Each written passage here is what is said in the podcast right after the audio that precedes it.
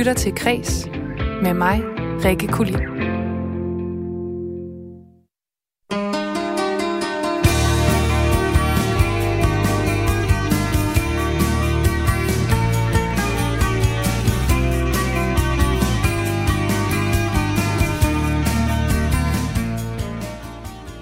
Druk er Danmarks bud på en Oscar-vinder. Sexisme i DR Symfoniorkester og en permanent Noma-bøger. Det er de nyheder, mine tre gæster i ugens fredagspanel de har med i dag. For om fredagen, der er det sådan, at jeg inviterer tre kulturpersonligheder i studiet for at tale lidt om, hvordan deres uge har været, hvilke kulturelle nyheder, som har fyldt for dem, og så skal vi selvfølgelig høre en masse god fredagsmusik. Og mit fredagspanel i dag, det består af kreativ direktør ved musikundervisning.dk. Hun er en af den slags sjæle, som øh, løber stærkt for kunstnernes vilkår. Og så er hun faktisk også årsagen til, at Kreds lavede sin første nekrolog tilbage i begyndelsen af året. For hun var bassist i Nelson Can, som altså spillede sidste koncert lige efter, at de havde øh, udgivet et album. Signe Tobiasen, velkommen til Kreds. Tak skal du have. Og med i studiet har jeg også faktisk den første veteran nogensinde i uh, Kreds fredagspanel, og dermed så er han jo automatisk min favoritveteran, lige ud over min onkel. Han er også skuespiller og aktuel i uh, forestillingen My Dear Hunter. Jonas Hjort, velkommen til Kreds. Mange tak. Og sidst men ikke mindst, så har jeg altså også en gæst i studiet, som er forfatter og aktuel med bogen Fortidens Port. Og fremadrettet måske også øh, Kreds Charlottenborg-spion, eftersom hun bor lige overfor. Der sker altså ret meget derovre lige nu. ja. Trine Appel, velkommen til Kreds. Tak skal du have. Først og fremmest alle sammen dejligt, at I er her. Øh, det er jo fredag, og øhm, jamen, i dagens anledning, der har vi simpelthen fået vin i studiet, Jonas. Vil, vil, vil du ikke knappe den op, skulle jeg til at sige? Jo, jeg åbner vinen. For vi plejer altså at sige skål nu, så... Øhm, Ja, dejligt. Signe, du kører øl, eller hvordan? Det kan vi godt sige. Ah, der kommer lidt vin i glasset her. Godt, det er jo Tak. sådan, at øh, vi bliver nødt til at skåle for, at vi kan altså, levere et godt fredagspanel herinde. Det, det er min regel. Og jeg får også lige lidt her. Uh, tak. Og det er en rød drue, vi får her, kan Ej. jeg Ja, sige. det er ikke mig. Det er Det er blevet et vinprogram, det her, føler jeg. Så det er jo det her... øh, Skål. Skål alle sammen. Skål. Skål. Og god fredag. Ja, for katten. For katten da, så blev det fredag. Lige om lidt, så skal vi altså høre, hvordan jeres uge er gået alle sammen. Og I har jo som sagt taget øh, noget dejlig musik med og øh, kulturnyheder, men jeg vil altså lige lægge øh, ud med at sætte stemningen for det her program. Og i morgen, der fylder Bjørk 55. Så i den forbindelse, der synes jeg, at vi skal høre øh, en meget passende titel på den her sang, fordi da hun havde bandet Sugar Cubes, der hed deres største hit Birthday. Så kære lytter, den øh, får du nu rigtig hjertelig velkommen til Kreds. Ah,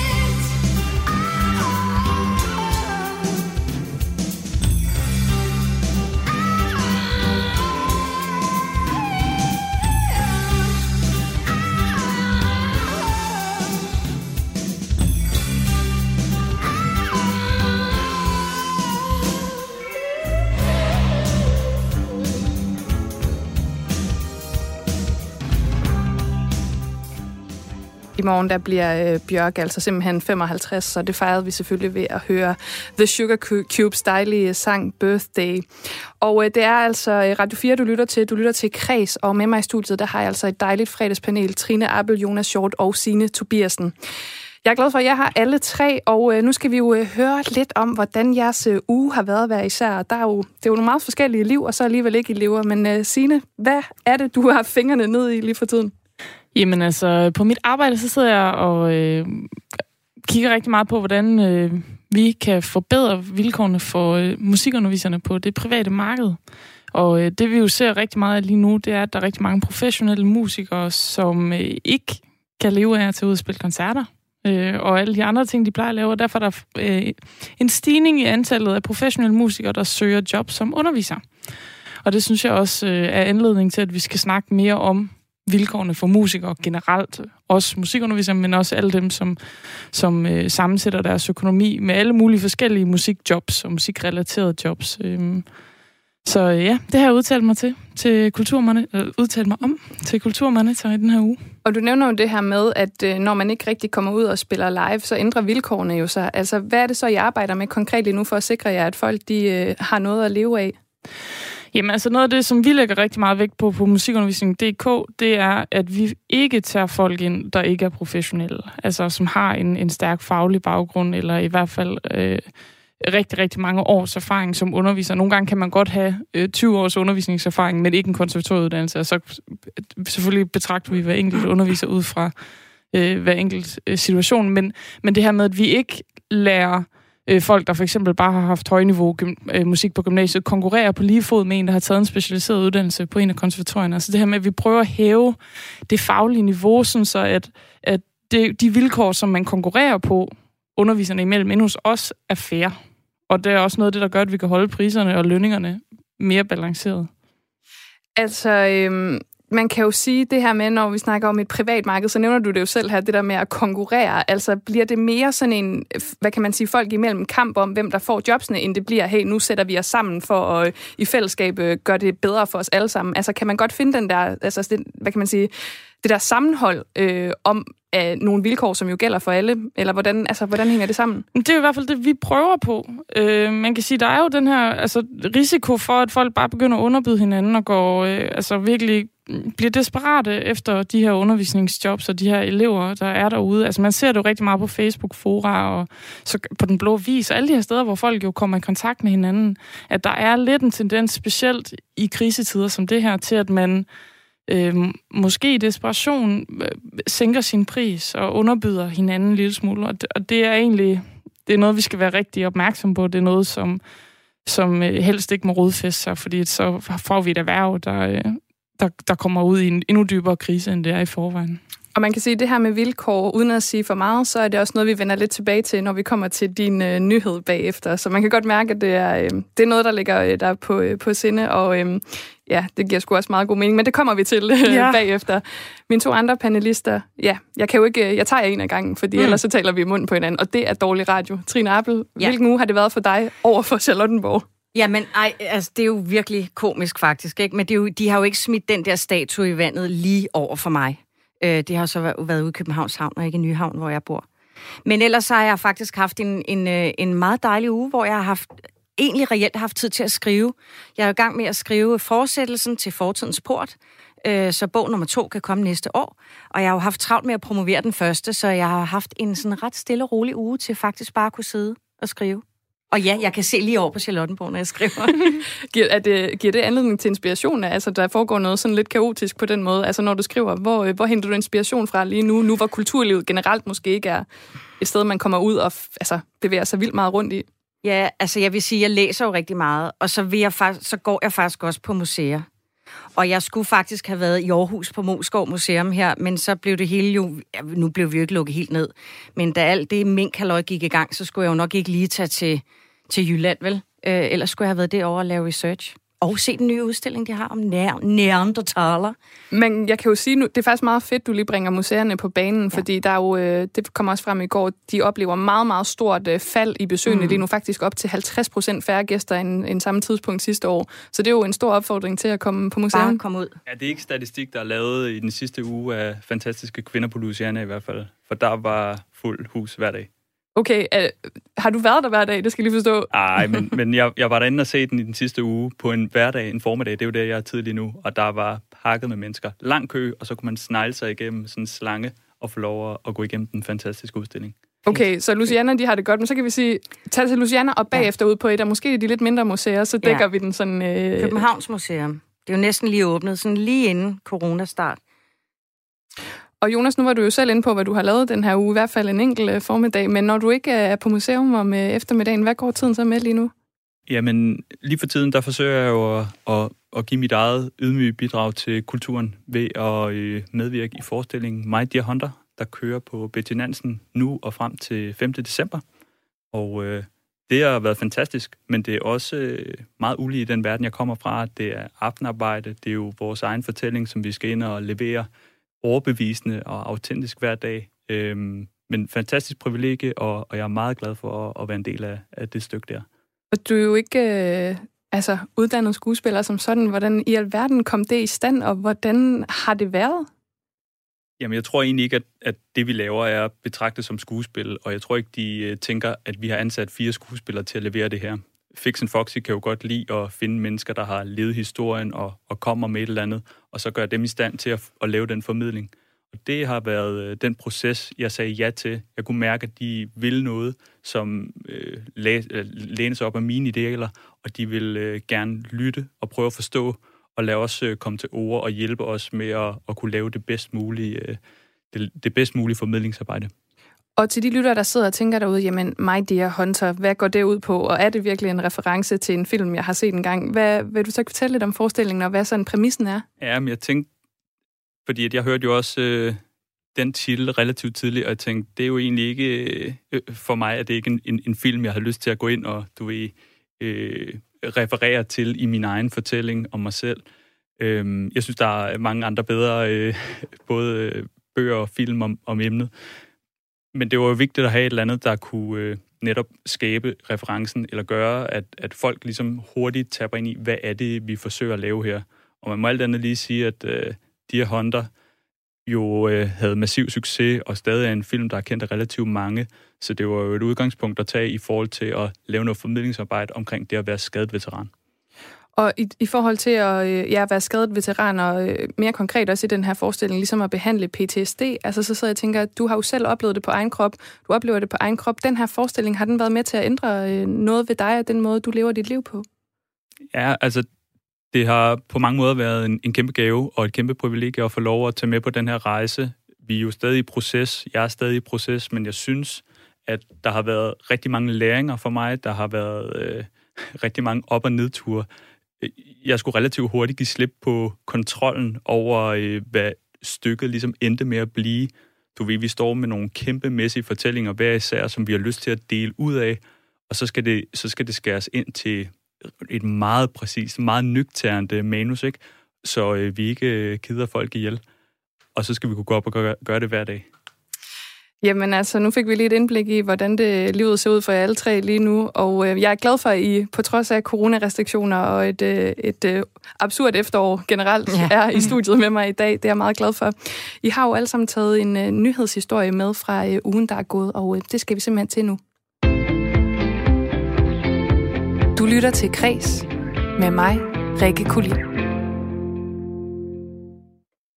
Og Signe Tobiasen, du var jo lidt inde på tidligere med øh, i forhold til arbejdsvilkårene for, øh, for musikere. Man kan sige, det er jo også lidt det, din nyhed den øh, omhandler. Vil du ikke præsentere den for øh, panelet og lytterne? Jo, det er sådan, at for øh, fire dages tid siden, der bragte Information en artikel om øh, sexchikane og, og sexisme øh, ved DR's øh, symfoniorkester, men, men også, og det bed jeg rigtig meget mærke i faktisk, øh, mobning. Øh, og man kan sige, grunden til, at, at jeg vælger den vinkel, for man sige, jeg synes, sexisme-debatten er enormt vigtig, og vi, jeg mener bare slet ikke, altså vi, nærmest, vi krasser stadig nærmest øh, i overfladen. Der er meget mere, vi skal snakke om. Men der er et, et specielt element i, i det, jeg ser i den artikel, som jeg synes også er vigtigt at snakke om. Og det er det her med forskellen mellem øh, folk, der er ansat i faste stillinger, og forskellen mellem folk, som enten er inde i et vikariat, eller, eller en kort øh, projektstilling, eller, eller som freelancer, og det er sådan et generelt problem øh, i de kreative brancher. Det gælder både musikbranchen, såvel som øh, journalistbranchen, eller kunstbranchen. Altså sådan, at det her med, at, at folk, der ikke er fastansat, er meget mere udsatte for sexisme, sexchikane, mobning. Det gælder både mænd og kvinder. Fordi at der sker det her indlejret, at man, man, er, jo, man er jo til salg, eller sådan noget, man er, man er nem at komme af med. Og det her med, at hvis man siger fra, jamen så risikerer man faktisk at miste sit arbejde. Ikke? Så, så når man er løst øh, tilknyttet arbejdsmarkedet, som mange af de her mennesker er, så skal de finde sig i meget, meget, meget mere. Og derfor tror jeg også, at, at det er i musikbranchen og mediebranchen og, og de her steder, at, at de her helt store sexisme-sager ruller. Og jeg synes, det er noget, vi skal snakke meget mere om, det her med, at, at der er bare ufattelig dårlige arbejdsvilkår. Øhm, nu kommer jeg fra musikbranchen, så jeg taler om musikbranchen. Der er bare virkelig dårlige arbejdsvilkår for rigtig mange mennesker. Øhm, og det skal vi gøre noget ved. Trine Appel, du, øh, du har jo været øh, arbejdet som skuespiller mm. Tidligere. Du har jo også Mm. bevæget dig rundt i den her kreative branche. Kan ja. Du genkende noget af det her, som Signe beskriver? Ja, mm, 100 procent. Fordi det er jo klart, når du er freelance, lance, freelance at du er udsat. Altså, fordi når man som skuespiller, man går til castings, og så er man jo allerede der. Altså, man vil bare vildt godt have det her job, ikke? Og Mm. øh, så er du måske rigtig heldig at få det, og så vil du jo ikke blive sat af. Altså, så, så det er jo meget sværere at brokke sig, eller sige, det er fandme for dårligt, eller hvad er det for nogle vilkår, der er her. Når man bare lige så, altså man kan så nemt blive øh, fyret. Altså du kan lige så godt, det kan lige så godt bare være en anden. Der står jo en hel kø. Har du oplevet det her med, at, at man ligesom har den her øh, fornemmelse af, jamen vi skifter dig bare ud, hvis ikke øh, du danser efter vores pip? Nej, nej, det, altså det, det føler jeg ikke. Det er altså, måske jeg har det er heller ikke... så direkte. Altså, det- det, er jo, det er en implicit ting, det er en strukturel ting. Ja, men det, det, jeg tænker bare, at der er nogle, nogle, nogle gange, så hører man sådan nogle historier, mm. Hvor man simpelthen tænker, okay, øh, for, ja, for du har måske ret sigende det her med, at man sådan godt kan fornemme, at det ligesom ligger i, altså det kender jeg selv som øh, tidligere løst ansat journalist øh, diverse steder, po- podcastproducent, det her med, den ligger sådan den der, jamen, altså hvis ikke du arbejder lidt hurtigere og lidt hårdere, så er der bare en anden, der arbejder billigere og kommer øh, altså løber efter dig, ikke? Hvordan, hvordan kommer vi det her til livs? Eller lad mig, inden jeg spørger om det, så Jonas, tænker jeg, altså, du kommer jo ikke rigtig fra den her verden. Kan du genkende noget af det, vi siger, altså sådan fra, fra øh, den, del af, den del af erhvervslivet, du har beskæftiget dig i tidligere? Ja, men altså, jeg har jo været i forsvaret. Jeg tror, det er, det er heller ikke en særlig god biks, hvad det angår, og jeg tror kun, vi har set toppen af isbjerget i forhold til, hvad der kommer til at være af ting, som bliver gravet frem nu her. Vi taler om nogle ekstremt komplekse magtstrukturer, som er bygget op igennem altså virkelig, virkelig lang tid. Og jeg tror, I har ret, når I siger, at det her er kun begyndelsen, og vi skal tale mere om det, og vi skal lære at forstå det, og vi skal have gjort en masse ting om. Men det kommer til at tage rigtig lang tid. Men nu nævner du det her med toppen af isbjerget. Altså hvis vi har det nu, og vi skal ligesom altså, kigge på alt det, de der, alt det, der ligger nedenunder det her pæne isbjerg, som er så dejlig en metafor. Hvordan, hvordan tager man hul på det? Altså, øh, man kan sige, Signe, du arbejder jo med øh, at skabe bedre vilkår, også øh, ja, måske for folk, der øh, ikke er fastansatte. Altså, hvordan tager man noget, der er så stort? Altså, hvor, hvor starter man henne i det? Jamen, altså, mm, det er, jo, det, er jo det, det er jo et godt spørgsmål. Det er jo et spørgsmål, jeg stiller mig selv hver dag. Altså, hvor skal jeg sætte ind? Fordi at det kan føles meget uoverkommeligt, og selvom at man prøver at ændre på nogle små ting hister her, jamen, altså, gør, det så reelt en forskel i den store ende? Og der tror jeg, en meget, altså, meget stort første skridt er det der med at anerkende, at der er et problem, og vise folk, at man ser dem og hører dem. Og det vi så arbejder med, det er at sige, prøv, prøv at arbejde på nogle øh, branchestandarder, og prøve at organisere øh, for vores vedkommende er det jo så musikundervisning, at opfordre dem til at organisere sig udenom os, sådan så vi kan have en mere øh, en professionel dialog med dem om os. Altså, hvordan, øh, hvordan hjælper vi dem, og hvordan øh, kan, kan vi sammen skabe et mere bæredygtigt marked? Men er det ikke... Undskyld. Det rigtig svære er jo, at det virker som om, at det her problem skal løses af folk, der ikke er problemet. vi står og kigger på et eller andet udefra, som vi ikke til fulde forstår, og det er så svært at angribe, ikke? Vi Mm. mm. forstår jo ikke til fulde det her, og så er det også svært at, at, at gå i gang med. Trine? Men det er jo også, som Signe siger, at det er, at vi skal anerkende, at der er et problem. Og, øh, og der er virkelig taget hul på mange ting her de sidste par måneder, ikke? Og, øh, fra Sofie Linde stillede sig op og til nu.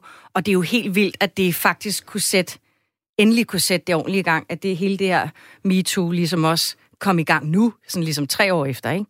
Men, men det, at vi allerede nu snakker om det, og vi står her og snakker om det, at man snakker om det på arbejdspladserne, at, at, at på den måde få mere dialog om det, gør jo også, at vi måske også sammen... Altså, jeg sidder også og tænker, at det er jo en kæmpe stor sten, men det er jo en start, det her. Mm.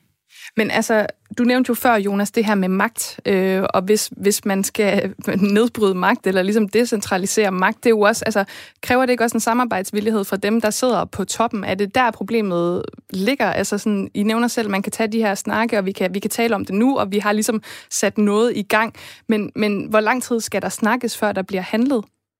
Ja, det er et godt spørgsmål. Ja, ja. Men, men det er jo hele problemet i nødskal, ikke? Det er jo, at, at der er mest magt der, hvor der måske er mindst vilje til at gøre noget ved det. Det ved jeg simpelthen ikke, hvordan man skal ændre på. Jeg sidder ikke med den magt. Så vil jeg gøre alt, hvad jeg kunne for at få ændret på det her, og begynde at vende blikket den vej, og få andre til at øh, gå med mig. Men øh, jeg besidder ikke den magt, desværre. Altså en del af det, som jeg ser, det er jo også, at dem, der har magt, skal se, at de har magt. De skal også se, hvordan deres magt påvirker andre mennesker. For jeg tror i virkeligheden noget af det, der jo også tit er et problem i de her sager, er, at der er en meget stor privilegieblindhed. Altså, øhm, at, at dem, der sidder på magten, øh, tror selv, at de er i øjenhøjde med andre mennesker, og vidt og cool, og de her ting. Altså, det er i hvert fald nogle af de ting, jeg personligt har oplevet. Øh, at man kan glemme ens egen magt, og hvad, den- hvad den betyder for andre. Og der vil jeg sige, at vi som, som øh, hvad skal man sige, platform, der samler en masse musikundervisere, vi har en eller anden form for magt, og den skal vi virkelig forstå, og vi skal bruge den rigtigt. Men der er jo også det her, som du startede med at påpege, øh, at jamen, i, i din branche for eksempel, så er der, altså, det man oplever, det er, at der er nogle løst ansatte, som bliver, bliver behandlet dårligere, fordi de ikke har de samme vilkår. Er der måske ikke også noget, et strukturelt problem i forhold til måden, vi ligesom altså, behandler freelance ansatte på? Altså det der med, at jamen, du er, der er større øh, mulighed for, at du bliver udsat for diskrimination, eller øh, sexisme, eller chikane, hvis du er en, man let kan skifte ud.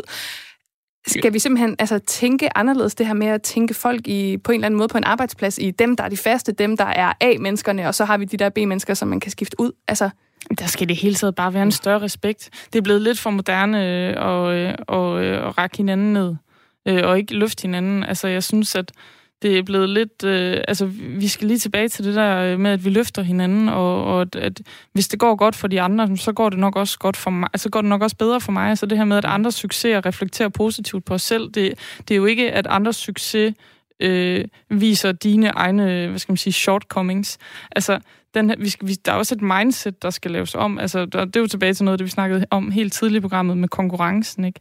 Men altså måske, handel, altså, måske har vi ikke vundet konkurrencen, når vi har jordet de andre. Måske har vi vundet konkurrencen, når vi alle sammen har fået det bedre.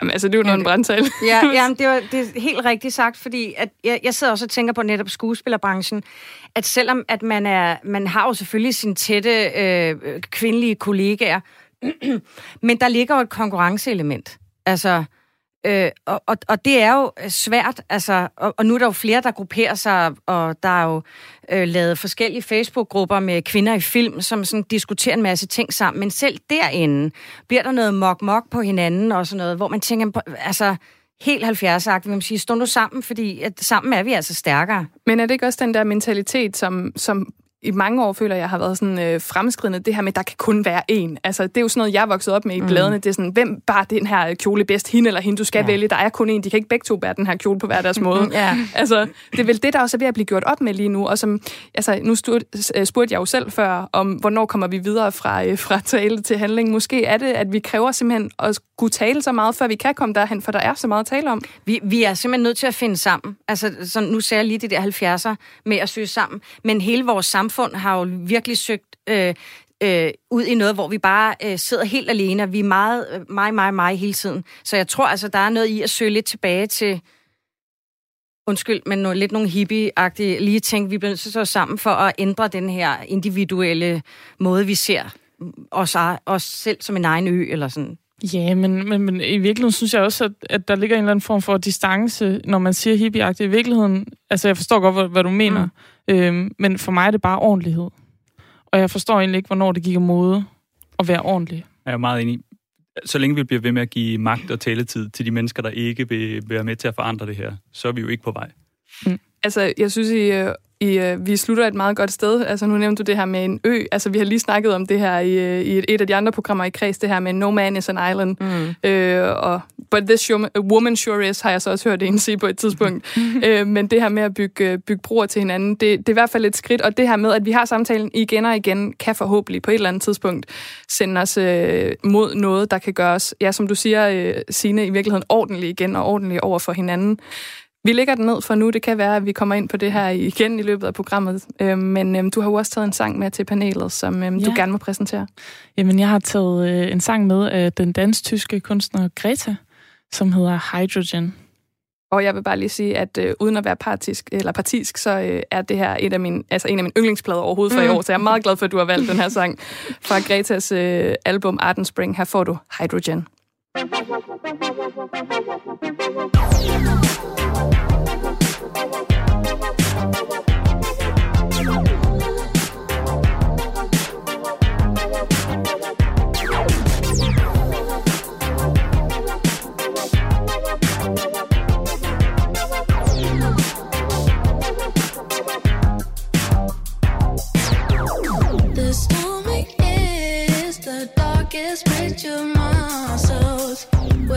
The light?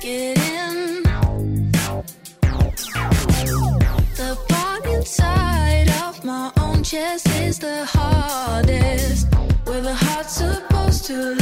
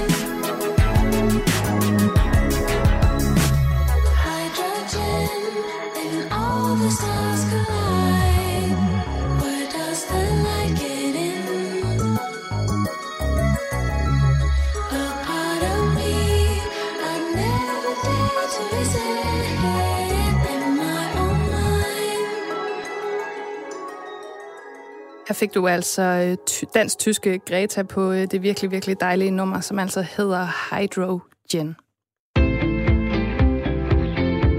Du lytter til Kres med mig, Rikke Kulin.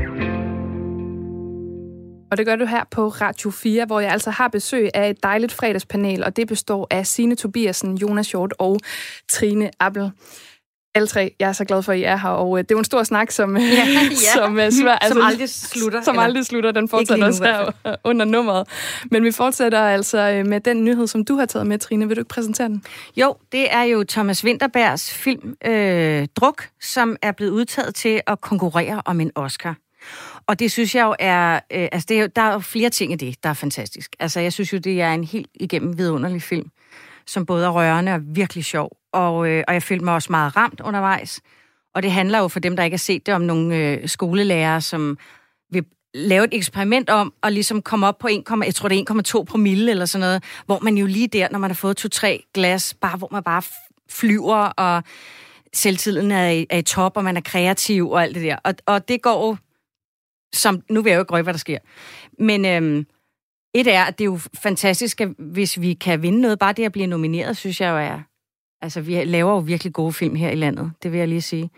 Og, øh, og så synes jeg jo, at det er, altså det er lidt sjovt, det der med, det er jo en meget dansk film på den måde, for den tager jo fat i vores måde at drikke alkohol på. Og som mange udlændinge, også i dag, for de har også sagt det for mange, mange år siden, altså under Christian 4., der sagde de jo allerede, hold da ferie, hvor de bare drikker de danskere. Mm-hmm. Og det gør vi jo stadigvæk, og det ser udlændingen jo sådan set også. Men det siger også, at vi er meget reserverede, og så får vi noget at drikke, og så er vi pludselig sjove at være sammen med, og så er vi bedste venner. og det er jo meget interessant om, et, om, om danskere generelt, at, at vi har det her forhold til alkohol. At vi godt, altså vi synes lige, vi er, altså selvfølgelig bliver man jo også mere loose, og, og man kan lidt mere og sådan noget, når man drikker, men det får os ligesom ud af de der huler, vi ligesom har begravet os i, specielt måske om vinteren, ikke? Jo. jo. Men, øh, men ja, altså, øh, så det er et meget interessant emne, at de har taget op der. Det er, jo, altså, det er jo også et emne, kan man sige, der har, altså, jeg synes, der fylder meget tit, men som vi alligevel på en eller anden måde er lidt berøringsangst over for i Danmark, fordi Ja, hvorfor egentlig? Det, det er jo et godt spørgsmål. Den kan jeg måske lægge ud til panelet. Jeg vil lige starte med at høre, uh, Signe og Jonas, har I, uh, har I set uh, druk? Jeg har ikke endnu. Jeg har heller ikke set den. Det er lidt pinligt. I Jeg to vil er de eneste, der faktisk ikke har set den så. Er det rigtigt? Ej, I skal bare komme afsted. Men jeg vil sige, det her med at selv at spille, altså det fjerner jo alle de der biograftimer om aftenen. Jeg, har- jeg har simpelthen ikke kunne, øh, kunne levere på den front der. Du må tage en babybio på et Ja, tidspunkt. Der er ikke ja, sammen med alle møderne og Nå ja, baby og druk. Det, Det er to ting, der øh, ja, ikke går så godt hånd i hånd. Men altså, du har jo fuldstændig ret, Trine. Den danske alkoholkultur, det er jo nærmest, altså nu stod vi lige i pausen og talte om øhm, danskhed. Altså på en eller anden måde, mm. så føler jeg, at det det, jeg forbinder, øh, ikke nødvendigvis at det er en positiv, men sådan øh, dans, danskheden med i hvert fald. Altså, Men Bare hele det der, vi ved nu med julefrokosterne. Nu er de jo ligesom aflyst, ikke? Men, men hele, bare med at se julefrokost, så ser vi danskere jo for os, hvad der sker. Du får alt det her urimelig meget mad. Du får alt for mange snaps. Og så er det, det tipper over, om, og alle bliver så fulde og gør ting, de aldrig ville have gjort. Altså, det, det, er, jo, det er jo sådan, det er med de julefrokoster. I Men hvert hvor- fald rigtig mange steder, ikke også? men hvorfor er det, vi har brug for så meget alkohol i sådan et land som Danmark? Er det fordi, vi er dårlige til at tale om, hvordan vi virkelig har det, og øh, om, om hvem vi er? Jeg har jo en teori om det der. Og det er jo fordi, øh, hvis man ser på hele Norden her, øh, vi lever i mørke sådan halvt år gang. Og det er derfor, vi har sådan nogle som Ibsen og Strindberg og nogle af de der helt tunge, øh, der bare har skrevet virkelig, virkelig tung drama. Ikke? Vi bærer spøgelserne inde i os. Hvis du tager sydpå, så har de jo øh, altså neonlys i loftet og lys, og bing, bing, alt er sådan happy, happy, og der er sol hele året. Det er bare en helt anden tilgang. Vi, vi har det indeni, de har det udenpå. Så jeg tror, det der med at have et bergmandsspøgelse indeni, det kan blive lukket lidt ud, når det får noget alkohol. Altså, vi, så på den måde er vi jo sådan lidt, lidt indlukket. Vi, vi bærer det hele indeni. Så det, må, jo- det skal jo ud på et tidspunkt. Hvad siger resten af panelet? Jamen for, for egne vegne kan jeg da sige, at øh, altså, jeg, jeg har virkelig skulle lære at genfinde øh, mit forhold til alkohol, efter jeg fik øh, PTSD, fordi at der er helt sikkert noget i alkohol, der for mig øh, forstærker angst og forstærker en masse negativt i mig. Så det er jeg ligesom skulle lære at navigere i. Så jeg kan egentlig ikke øh, drikke særlig meget, før jeg kommer et rigtig dårligt sted hen. Jeg kan rigtig godt lide at drikke vin, jeg kan rigtig godt lide at drikke en god øh, cocktail her og der, eller en øl. Men det er meget med måde for, for mit øh, vedkommende. Signe, musikbranchen, den er jo ikke ligefrem kendt for at være et sted, hvor, hvor alkohol, det er noget, man lægger øh, fra sig. Altså, hvad, hvad er dit forhold til, til alkohol? Jamen netop derfor har jeg faktisk et lidt ambivalent forhold til det. Eller jeg synes, jeg synes det er så fedt. Og, øh, altså, det, jeg, er også, jeg, jeg er stadig lidt, lidt endnu er lidt i 20'erne, og, og kan godt lide at gå i byen med mine venner og sådan nogle ting. Men, øh, men faktisk, øh, altså de sidste mange år med Nelson Kane, hvor vi spillede, altså der har jeg i hvert fald sådan 9 ud af 10 gange været sådan meget, øh, jeg drikker ikke, når jeg er på arbejde. Og det, og det tror jeg er rimelig sjældent. Øh, men for mig, altså jeg, det, det, det, jeg, kunne, jeg, synes, det var en, jeg synes, det er en glidebane at blande det sammen på den måde. Altså arbejde og alkohol. Øhm, og, og musik. Altså selvfølgelig er det kunst og, og alt det der, men, men det er også arbejde. Øhm, så på den måde har jeg det faktisk lidt ambivalent med det. Jeg, ja, øhm, så jeg, jeg, jeg synes, der, der er stor forskel på den sammenhæng, man drikker i. Øh, Ja, Jeg- når ja. du siger det der, det er lidt sjovt, når du siger det der med at, at drikke på arbejdet, ikke? Fordi for eksempel i skuespillerbranchen, altså for bare, det ved jeg ikke, 40-50 år siden, der var der jo mange, altså der, det der med at få en øl, inden man går på scenen og sådan noget, det var jo mere normalt. Altså det, det gjorde øh, Paul Rickard og alle de der store, de drak jo altså Jamen, altså, jeg vil lige sige, jeg har været... under øh, efter. Jamen, jeg har været, øh, øh, hvad hedder det, rundviser ude på Nordisk Film, og der fortalte vi altid historien om øh, Ballings A-hold, altså de her skuespillere, Ja. han brugte igen og igen, men i virkeligheden så stod A-holdet for alkoholet, fordi Ja. at, Ja. altså, de, de drak jo før, under og efter optagelser nærmest. Jonas? Jeg tænker, der er jo også noget interessant i, at, at mange til synligheden har et behov for at drikke så meget, at de kommer rigtig langt væk fra sig selv. Jeg synes, det er interessant, hvis man kan finde et leje, hvor man nærmer sig sig selv, Ja. og hvad kan man sige, skaber en endnu mere interessant konstellation med de mennesker, man sidder sammen med, med det måltid, man sidder og nyder, mm. eller altså, hvor man ligesom kan bruge det som en faktor oven på noget andet. Så er det interessant. Der, der er jo, det er jo fyldt med velsmag, det er jo fyldt med noget, der kan gøres godt i de rette mængder. Men øh, det kan også gøre det, det absolut modsatte, ikke? Men Jo, der er også, der er jo, også jo, virkelig det- meget social pres. Altså, du kan jo ikke tage til en fest og ikke drikke. Altså, sådan, så skal du høre, skal du spørges, eller i hvert fald hvis du er kvinde, altså måske 800 gange i løbet af aftenen, om, om du er gravid, eller er der noget i vejen? Hvad er der galt? altså, Ja, det, det er er rigtigt. rigtigt. Det er rigtigt. Men jeg vil også sige, at altså, nu, har jeg, nu nævnte jeg lige de der gamle skuespillere. Jeg har aldrig nogensinde gået på scenen og har drukket inden. Det kunne jeg simpelthen aldrig finde på. Men nu sidder jeg og skriver øh, hele tiden. Og øh, jeg kan altså godt øh, sådan en gang imellem, hvis man lige har fået et par glas rødvin, det der med at sidde og skrive, Altså, og det er ikke, fordi jeg sidder bare altid og skriver på rødvin. Det gør jeg jo ikke. Men en gang imellem, så er det som om, der lige efter et par glas, så kommer der altså en lille muse, der lige åbner op for et eller andet, jeg ikke har tænkt på. Og så er det selvfølgelig klart, så tipper den derover, hvis jeg drikker mere end, det ved jeg ikke, nogle genstande. Altså, øh, så går man over og bliver for fuld. Men der er lige det der, som jeg synes er sjovt, i, i- eller interessant i drukfilmen, fordi at der lige er, hvor man er inspireret, og der kommer den der muse, der pludselig giver nogle helt fantastiske idéer, fordi at man er åben på en anden måde. Ja, det er flaskens ånd, Ja, som Paul Pilgaard ville sige det. ja. Men der er jo også forskel på, om, om flasken bliver din muse, eller om du er slave af flasken. Altså, hvem- hvem er herren? Er, er det dig, der sidder der og drikker dig, eller er det din flaske, der... Helt sikkert. Men det var jo også det, du var lidt inde på, Jonas, før det her med, at jamen, der er rigtig mange, der drikker for at komme... Altså, eller det tipper over til, at man kommer så langt væk fra sig selv, at man ikke længere mm. ved, hvad man er. Det er jo, det er jo, Jeg tror, det- der er mange, der bruger det som en flugt. Ja. og hvorfor er, det, altså, hvorfor er det, vi i det her land flygter så meget for os selv? Det har jeg virkelig tit tænkt over. Nu nævnte jeg også under, øh, da, da musikken spillede, at for mig er danskhed også øh, konfliktskyhed. Altså, vi er enormt konfliktsky. Vi er ikke særlig gode til at tale om, hvordan vi har det. Er det fordi, vi i virkeligheden faktisk gerne vil tale om, hvordan vi har det, men, men vi er ligesom, det ligger så meget i vores sådan, øh, folkegenetik på en måde, at det er alkoholen, der skal til, før vi kan give slip? Jeg tror, det er rigtig svært. Altså, og jeg, jeg er også selv øh, konfliktsky. Øh, altså, det tror jeg, vi netop alle sammen er. Øhm, og jeg kan se, når jeg sidder og skriver manuskripter, vi er ude på filmskolen, fik vi at vide, vær nu hård ved den hovedkarakter, for man er for sød ved dem. Man kan ikke lide, at, at de skal i for mange konflikter, det skal være for svært. Så jeg tror, vi har det indbygget i os, at, at, øh, at det er bare ubehageligt. Altså, det er ubehageligt at gå over, skulle og kravle over den der mur, øh, for at, at blive uvenner med nogen. Altså, det, det, er jo, det, er jo ikke rart at være uvenner med nogen. Altså Signe, jeg kan huske et, øh, et fedt DR-program, der hed Kære Dagbog, hvor du, øh, du var med, og der husker jeg noget med, at da du var teenager, der havde du et meget, øh, du ved, stort temperament. Ja. Og det, der, jeg fik ligesom fornemmelsen af, at du ikke var særlig konfliktsky. Er det, er det rigtigt? Nej, det har sgu aldrig været. Altså, på godt og ondt. Ej, men det, men det, men det er som om, at konflikter også fandt mig, især i den tid, ikke? øh, um, jamen, det er sjovt, fordi at, at jamen, jeg sidder, en grund til at det stille, jeg sidder egentlig og tænker sådan, kan vide, altså, om jeg egentlig synes, at det er derfor, jeg gør det. Altså, om det er for at give slip. Og det, sådan har jeg det egentlig ikke. Men øh, noget, som jeg ser, og har set meget, øh, det er folk, der drikker, fordi de keder sig. Mm. Og altså virkelig tit været i situationer, hvor folk kan sige sådan, åh, så bliver de nødt til at drikke aftenen sjov. Øhm, og det på en eller anden måde, det synes jeg også er, det kan også provokere mig ret meget. Øhm, Det virker lidt sørgeligt. Jamen, det er jo som om, man ikke har værdi nok i den, man er, og sammen med de mennesker, man er sammen med, jo, ikke? Men er det Altså- ikke også, fordi vi har den her sådan, at vi hele tiden, altså nu snakkede vi om konkurrencesamfund tidligere, og hele tiden være den bedste udgave af sig selv og konkurrere mod andre. Altså det her med, vi er faktisk lidt bange for at lade masken falde, og så bare være vores øh, bedste, kedelige jeg, som er Mm. bare en person, som godt kan lide at ved ikke, spille Scrabble og drikke øh, kakao. Om det, er og det er sindssygt sjovt, det der, fordi at nu for eksempel, altså jeg, jeg siger det, og nu siger jeg live radio, altså mit yndlings-tv-program ikke også, det er Hammerslag. Det er også et godt øh, program. og, og, altså, altså, og jeg kan være rigtig funky på rigtig mange måder, men jeg kan simpelthen også bare være helt exceptionelt kedelig. Og, øh, og, og jeg tror nemlig, der er noget i det der med angsten for at være kedelig, angsten for at være basic.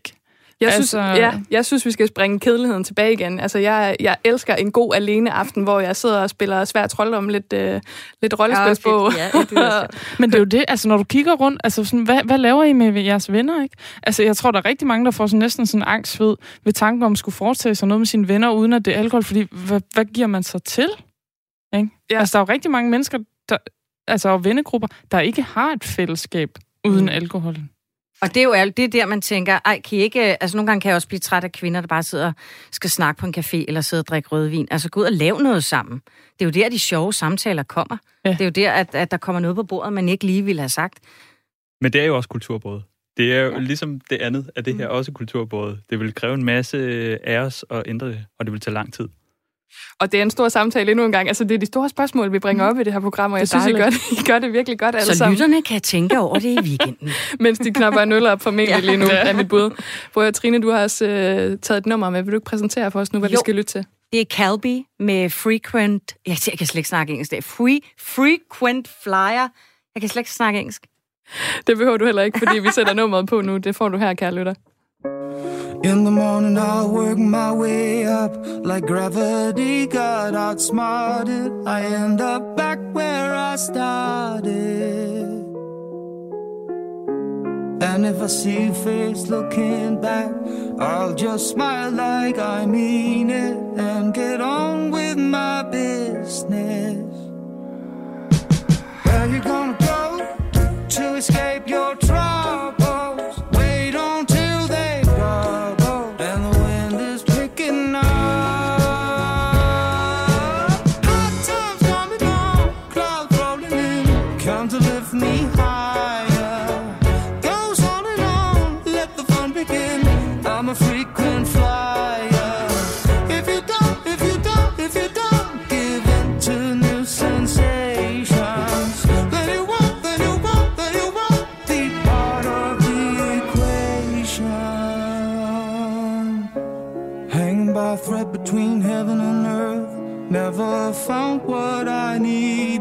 All got worse as I pleaded.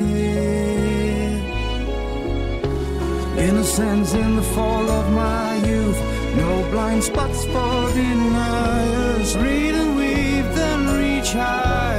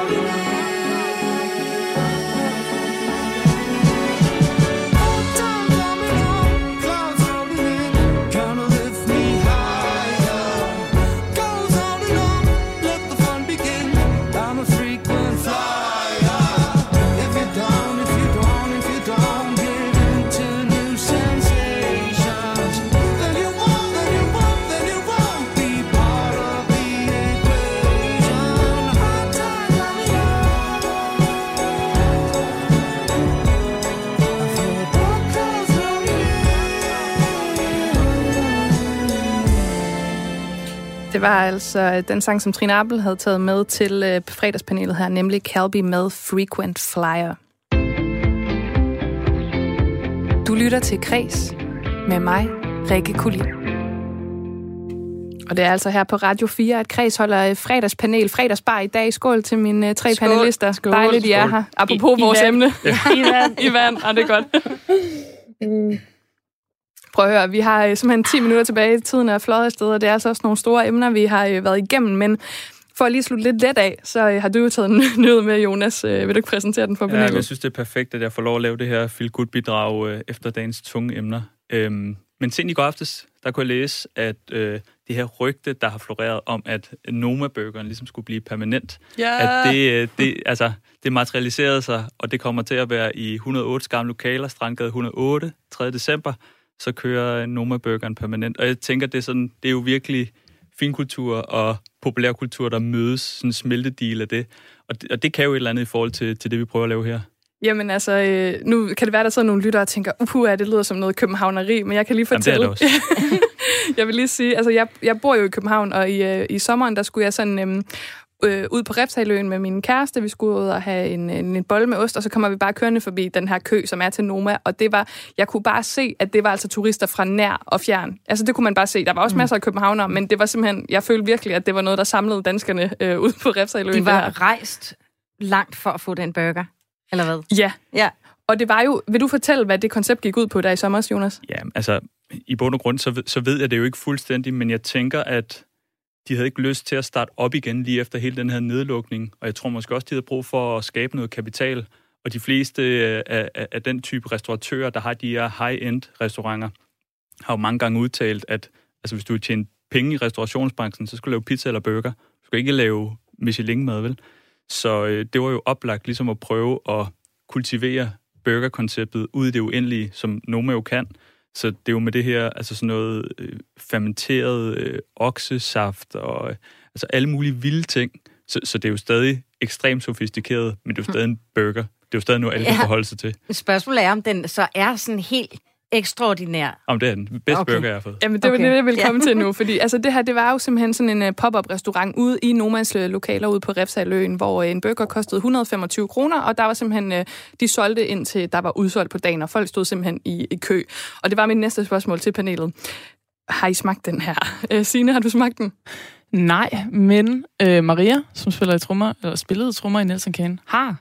Og øh, den fik mange, mange gode ord med på vejen. Så jeg har det altså fra førstehånds kilde, at det var øh, ventetiden værd at stå i den der kø. Okay. Trine, du har ikke smagt den nu? Nej, jeg har ikke smagt den. Jamen, jeg, øh, jeg mødtes med en god kammerat på åbningsdagen. Så, køb, det her. så købte vi lidt øh, kaffe og lidt morgenbrød, og en vin også faktisk. Og vi havde lidt, du ved, vinglas og et tæppe med i tasken. Om og så lavede morgenen? vi lidt sådan en, vi lavede lidt sådan en, ja, hvad skal man kalde det, en, en, øh, en bevægelig picnic, hvor vi sådan bare flyttede os i køen og bare stod og, og hyggede os der.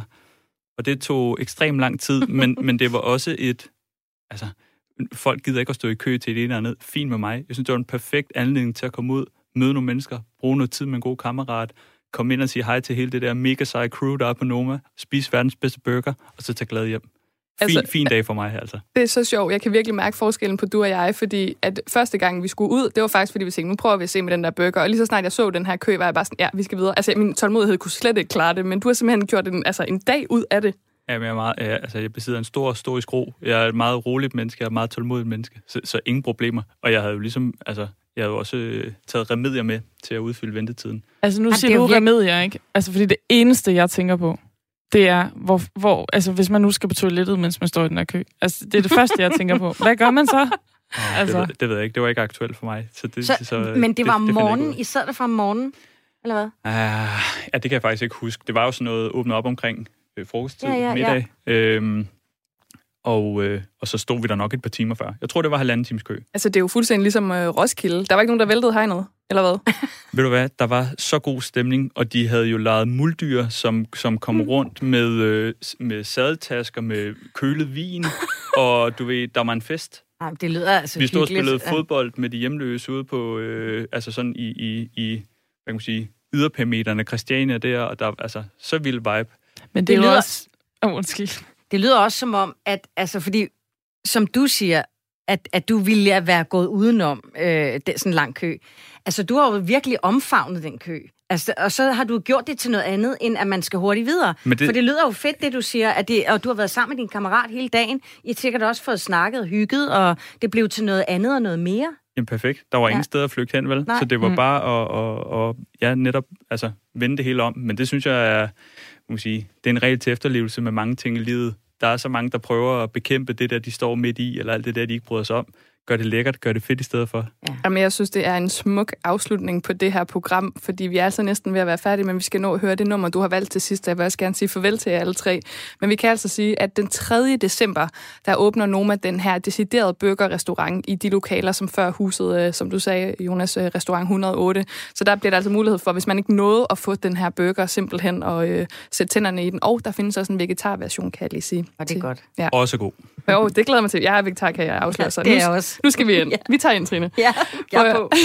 Jeg vil sige uh, tusind tak til alle tre, fordi I var med. Um, Signe Tobiasen, Trine Appel og Jonas Hjort. Tak fordi I var med. Selv tak. Tak for nu. Og Jonas, så får du lov til at præsentere. Ja, vi skal høre Take 5 med The Dave Brooke Quartet. Et nummer, vi nogle gange hører som øh, sådan lidt øh, entry, inden vi går på scenen. Rigtig god stemning. God fredagsjazz. Jamen, vi slutter simpelthen af med god fredagsjazz. Kære lytter, tak fordi du lyttede med. Bliv hængende her på kanalen om lidt. Der er der stusgade med og min kollega Frederik, så fik jeg sagt det hele. Og øh, jeg er tilbage igen på tirsdag. Den her, øh, det her program og alle andre kredsprogrammer kan findes som podcast. Her får du altså lidt god øh, fredagsjazz, kære lytter. Tak for nu.